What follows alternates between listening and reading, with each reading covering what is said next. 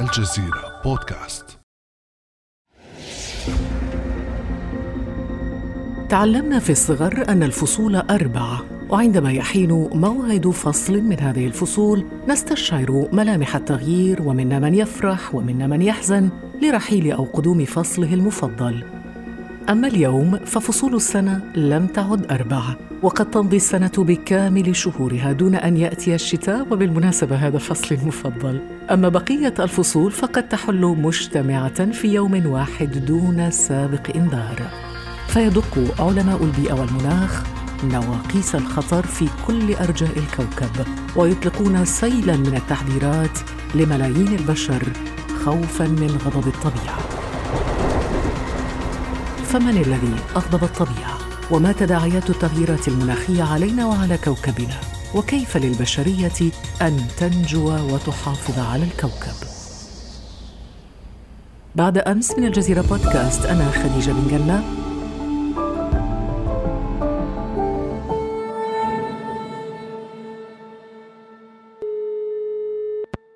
وأسعد باستضافة الأستاذ الجامعي المختص في المخاطر الطبيعية دكتور المنجي بورغو. أهلا وسهلا بك دكتور. أخت خديجة مرحبا وشكرا على الاستضافة.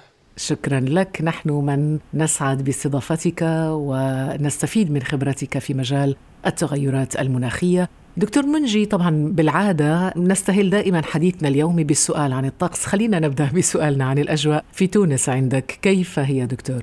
أخت خديجة الأجواء في تونس متغيرة كتغير الطقس والمناخ عموما. فعلى امتداد أيام كانت الأجواء ماطرة سيول في عدة مناطق من البلاد وفيضانات. ولكن أخت خديجة كل هذه الوضعيات كانت في الحقيقة بمناطق العمران. وهنا لابد أن نفصل منذ البداية بين ما يعرف بالفيضانات بالمعنى العام. وتكون قريبة من المجاري المائية المتسببة في ذلك وبين ما يسمى بفيضانات المدن. يعني في المناطق العمرانية. نعم. ربنا يلطف. دكتور يعني تونس فيها فيضانات والسودان فيضانات والجزائر فيضانات وتركيا فيضانات وهناك حرائق في كاليفورنيا. هذه الأجواء تبدو اعتيادية وطبيعية أم أن هناك شيئا ما طرأ على الطبيعة؟ طبعا لا أخت خديجة ولا بد أن نفصل بين التذبذبات المناخية وهي طبيعية بحتة تتم خلال مدة زمنية تقترب من القرن وبين التغيرات المناخية وهي مجال الحال كما يتفق عليه جمهور العلماء وهو اضطراب في مناخ الأرض. وهذا ما يهمنا لأسباب يمكن تبدو طبيعية لكنها في الحقيقة أسباب بشرية لأنها ناجمة عن ارتفاع في درجة حرارة الغلاف الجوي المحيط بكوكب الأرض. خاصة النشاط الصناعي وما يفرزه من غازات سامة تتكدس في الغلاف الجوي فتؤثر بشكل حاد في انتظام حرارة الأرض. وبالتالي أخت خديجة في توازن الظواهر البيئية. والملاحظ وهذا هام جدا أن هذا التأثير يكون متأخر نوعا ما أخت خديجة. أي أن ما, ما تعرفه الأرض اليوم من تسخين لغلافها الجوي هو في الحقيقة نتيجة الغازات التي انبعثت من الأرض غداة الحرب العالمية الثانية وفترة الستينات من القرن العشرين. وبما أنه منذ تلك الفترة والغازات السامة في تزايد فإن الحرارة على سطح الأرض ستكون أشد في العقود القادمة. إذا واضح دكتور منجي أن الأسباب ليست حديثة أسباب تعود إلى الستينيات وما بعدها ولكن من هي الدول الأكثر تسببا في هذا الوضع؟ طبعا هي الدول التي تملك المصانع المصانع التي تنفث الغازات مثل الصين والولايات المتحدة الأمريكية والاتحاد الأوروبي وكذلك اليابان وروسيا وحتى الهند. هي الدول المصدرة نجم نقول لغازات الاحتباس الحراري والتلوث البيئي بصفة مباشرة أو غير مباشرة أخت خديجة. لأن حتى ما يحدث في الدول الأخرى التي لم نذكر فإن الغازات ناجمة عن التحويل والانتشار الصناعي للمعامل الملوثة التي نقلتها إلى أراضي العالم النامي الدول المتقدمة وتصاب دول العالم النامي بشل في نظامها البيئي الطبيعي. هنا تحدثنا عن الدول ولكن هل الأفراد أيضا مسؤولون عن هذا الوضع؟ الطبيعة لها نواميس معروفة. عندما نغير مثلا طريق الماء عندما نغير مثلا المسالك مسالك المجاري المائية عندما نبني بالقرب من تلك المسالك المائية ونوقف ما يسمى طريق الماء فهي طريقة من الطرق لاستفزاز الطبيعة. لأننا أخذنا من الطبيعة أشياء ونعرف أخت خديجة أن ما أخذ بالقوة لا يسترد إلا بالقوة. لذلك هذه الظواهر الطبيعية التي هي في ظاهرها ظواهر طبيعية وغضب للطبيعة وإنما هي في الحقيقة نتيجة ما قام به الإنسان من أعمال غير معقلنة وأعمال استفزت العوامل الطبيعية. طيب كيف ينعكس كل ما ذكرته الآن دكتور منجي علينا نحن كبشر على الطبيعة وعلى الإنسان؟ طبعا يعني التداعيات أخت خديجة هي في الحقيقة كثيرة، اولا ما نعيشه اليوم هو تواتر الأعاصير والفيضانات. قديما كانت الفيضانات مرة في سبع سنوات مرة في عشر سنوات. أصبحت الآن الفيضانات تقريبا في كل سنة في جل دول العالم وأحيانا حتى في كل شهر. كذلك نلاحظ الآن ارتفاع عدد حرائق الغابات وكذلك ارتفاع موجات الجفاف. ولكن عكس ما يروج له كثيرا فإن الدراسات الميدانية أخت خديجة لم تثبت بصفة قطعية التأثير السلبي للتغير المناخي على الذوبان السريع لما يعرف بالجلادات القارية أو بالكساء الجليدي القاري لا سيما في القطبين الشمالي والجنوبي. هذا أولا. وثانيا من جملة التداعيات وهذا هام هو ارتفاع مستوى البحر وهي تهدد بالأساس الجزر المنبسطة بالمناطق المدارية مثلا وحتى بحوض البحر الأبيض المتوسط. أيضا دكتور هناك حديث عن أنه هناك جزر ستختفي تماما بسبب هذه التغيرات المناخية. هناك حديث عن جزر المالديف عن جزر سيشل. صحيح أخت خديجة هنالك دراسة علمية تمت في 164 دولة لها ساحل على البحر وتبين بأن 60% من هذه الدول تعرف عملية انجراف ساحلية خطيرة وتشكو من تقدم البحر. ولكن أكثر هذه الأماكن التي تشكو من تقدم البحر هي الأماكن الوطيئة ولا سيما ما ذكرتم الآن لأن نعلم أن عديد الجزر بالمنطقة البيمدرية والمنطقة الاستوائية هي جزر وأرخبيلات وطيئة بطبعها فعندما سترتفع وهي ترتفع مياه البحر أول من ستغمر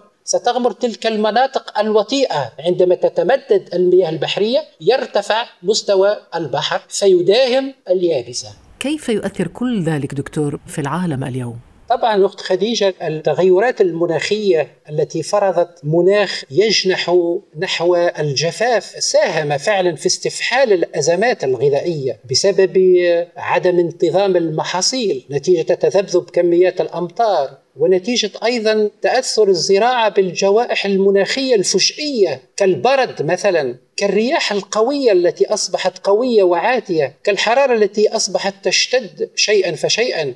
ومن ثم فإن ظاهرة المجاعة ستستفحل وستتفاقم أزمة أيضا شح المياه الصالحة للشرب. أخت خديجة وفق منظمة البيئة العالمية مثلا فإن التذبذب المنتوجات الغذائية ستساهم أيضا في تدهور صحة الإنسان أمام جنوح المناخ نحو التطرف. نتيجة تلوث الهواء أصبحنا نرى مثلا سرعة انتشار الأوبئة وهجرة الجراد.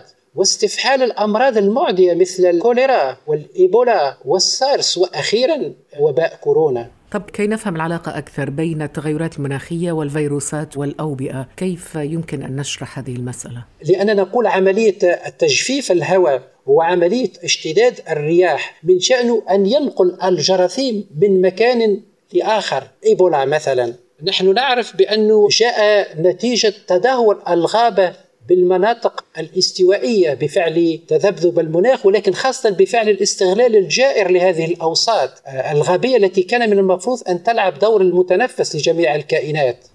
إيبولا مثلا هو نتيجة اقتراب الحيوانات الغابية التي أصيبت بالهلع والمرض نتيجة تدهور محيطها الغابي فاقتربت من الإنسان ونقلت الجراثيم إليه. والمعلوم أخت خديجة أنه وفق تحذيرات الصندوق العالمي لحماية الطبيعة فإن العالم فقد أكثر من ثلثي أعداد الحيوانات البرية في أقل من خمسين سنة وكان ذلك خصوصا بسبب يعني هناك تأثير أيضا على الثروة الحيوانية. نعم وكان ذلك خصوصا بسبب نشاطات البشر الجائرة والمدمرة للأنظمة البيئية لتلك الحيوانات لا سيما في المناطق الهشة كالغابات وكالمجاري المائية والمراعي والكثبان الرملية مثلا أيضا.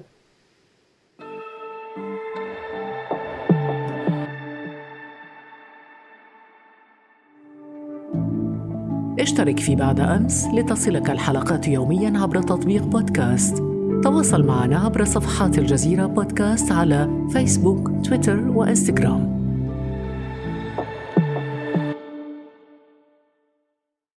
دكتور منجي هل أيضا التوزيع الجغرافي للبشر في العالم يتأثر بهذه التغيرات المناخية؟ بالتأكيد أخت خديجة. ونحن نلاحظ الآن أهمية الهجرات من مكان إلى مكان آخر. ففيما يتعلق بتداعيات التغير المناخي على التوزع البشري ووفق وكالة رويترز فإن أزمة التغير المناخي من المتوقع مثلا أن تتسبب في تهجير مليار وربع المليار شخص في 31 دولة حول العالم بحلول عام 2050 وهذا أمر مخيف أخت خديجة جدا لتداعياته على توزيع السكان على سطح الكرة الأرضية وعلى التوازن الذي يجب أن يوجد بين مختلف أماكن الكرة الأرضية. دكتور منجي ومن ضمن هذه المناطق والدول التي تحدثنا عنها من من الدول تعتبر الأكثر تأثرا بهذه الأزمة المناخية أو التغيرات المناخية؟ هي الدول الفقيرة أخت خديجة لأنها توجد في الغالب بأماكن جغرافية هشة هي ذات أنظمة بيئية لا تقدر على الصمود أمام تطرف المناخ. طبعا إضافة إلى ضعف ما تملك من مادة لتخطي المخاطر ولغياب التخطيط المحكم لتفادي التمركز بالمناطق ذات المخاطر. فترى مثلا أخت خديجة جموع السكان يتكدسون بالقرب من مجاري المياه أو على السفوح أين تنطلق السيول؟ أو بالقرب من السباخ والمستنقعات معيقة وصول المياه الجارية إلى أماكنها الطبيعية. هذه أشياء تحدث بالبلدان الفقيرة التي تعرف هجرات مثل ما قلنا كبيرة للسكان في اتجاه المدن من الريف إلى المدن فتزيد من الضغط على الوسط الطبيعي. أما البلدان المتقدمة فهي في الغالب متمركزة في أنظمة بيئية محمية بسمك التربة وتواتر الأمطار المنتظمة وانتشار المساحات الغابية ثم أنه أخت خديجة هذه الدول المتقدمة لها القدرة المادية لمجابهة المخاطر. نحن نعرف أنه وفق تقرير جديد للجنة الدولية للصليب الأحمر يمكن القول بأن 12 بلد من البلدان العشرين الأكثر تعرضا لتغير المناخ حاليا هي بلدان غارقة في النزاعات تمزقها الحروب والمجاعات كاليمن مثلا ومالي وأفغانستان كجمهورية الكونغو الديمقراطية والصومال لكن المعلوم أن البلدان التي تعاني من النزاع هي أقل قدرة على مواجهة تغير المناخ لماذا؟ لأن النزاع يضعف قدرتها على التكيف مع هذا التغير المناخي إضافة إلى ذلك سكان مناطق النزاع هم من بين الأكثر تجاهلا لإنجاز أعمال حمائية ضد التطرف المناخي لأن لهم شغل آخر وحيرة أخرى تخص قوتهم اليومي وحياتهم بين ساعة وساعة أخرى.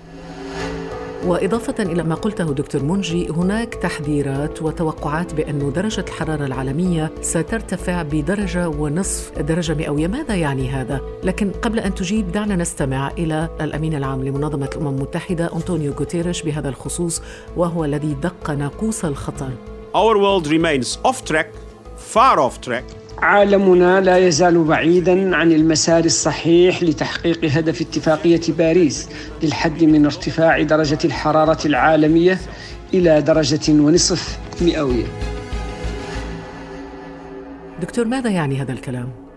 يمكن أن نقول بأن من يلوث هو الذي يجب أن يدفع أو أن يصلح مهما كانت قيمة الأموال المطلوبة، يعني دون إشراك الدول المتسببة بأكبر انبعاثات الغاز السام في الغلاف الجوي فإن كل الجهود التي تبذل لن تكون كافية أخت خديجة طيب الجهود التي تبذل في إطار اتفاقية باريس للمناخ وهي اتفاقية معروفة وعالمية هل هذا يكفي أم أننا ما زلنا بحاجة إلى جهد أكبر من ذلك؟ ودعنا نتعرف اولا على ما تضمنته هذه الاتفاقية اتفاقية باريس للمناخ. بسرعة شديدة اتفاقية باريس وقعت عليها في الحقيقة 194 دولة بما فيها الولايات المتحدة الأمريكية التي مع الأسف قررت فيما بعد الانسحاب علما بأن قرار الاتفاقية حسب الاتفاقية لن يكون ملزما للدول إلا انطلاق من سنة 2025 يعني من 2025 ستصبح اتفاقية باريس للمناخ نافذة. لكن ما الذي يجب فعله؟ مثلا التحول من الاقتصاد الرمادي الذي يعتمد على الطاقات البديلة كالطاقة الشمسية والطاقة الريحية وطاقة مياه البحر. والأخضر أيضا أخت خديجة لأنه يهدف إلى مزيد التشجير حماية للغابات التي تخزن الكربون. ويهدف أيضا إلى مزيد ترشيد استهلاك الماء. من جملة ما تنادي به منظمة الأمم المتحدة واتفاقية باريس هو العدول عن استنزاف الموارد الطبيعية واستغلالها بصورة عقلانية. في هذا المجال أخت خديجة يقول الخبراء بأن استخدام الموارد الطبيعية ارتفع خلال خمسين سنة الماضية من 27 مليار طن إلى 92 مليار طن يعني تضاعف أربع مرات. فرق كبير. نعم وهناك توقعات تقول بأن يصل الرقم إلى 190 مليار طن بحلول سنة 2060 2060 غدا أخت خديجة بالنسبة لتاريخ الكرة الأرضية. يعني الأجيال القادمة هي التي ستتضرر أكثر. نعم نعم. من جملة أيضا الأشياء التي يمكن أخذها بعين الاعتبار هو دمج مخاطر المناخ في النظام المالي في النظام المالي العالمي ولكن في النظام المالي أيضا للدول وللمناطق. كيف؟ بإدماج مخاطر المناخ في استراتيجيات التنمية. مثلا نحن نعرف أن عديد الدول النامية لا تملك وزارات ولا إدارات تعنى بالبيئة وتعنى بالتنمية المستدامة. لابد أخيرا من, من توحيد جهود المجتمع الدولي لإنقاذ الأرض والبشرية جمعاء وتبقى فكرة أخيرة أخت خديجة وهي ربما من الأهمية بمكان باعتبار أن ما يحدث من إخلالات ومخاطر ليست في الحقيقة من قضاء الطبيعة باعتبار أن مثل ما ذكرنا للطبيعة نواميس وموازين وإنما ما يحدث هو من فعل الإنسان. فالتصحر مثلا وفي الحقيقة في خاتمة الكلام أخت خديجة كم هو جميل ذاك الشعار الذي تصور فيه الأرض في الغالب وهي محمولة بين اليدين في تعبير عن كونها الأرض هي البستان للكل والبستان الذي يتطلب الكثير من الحماية والكثير من العناية. يعني هو كوكب الأرض بيتنا جميعا لا خيار لنا إلا أن نعيش معا على هذا الكوكب وأن نحافظ عليه. أخت خديجة هنالك مثل صيني مشهور يقول نحن لم نرث الأرض بل وهبناها إلى أبنائنا.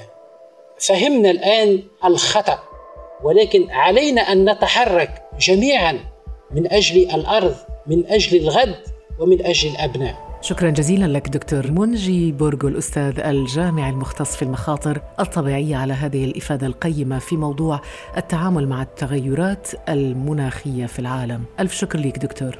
إلى اللقاء شكرا.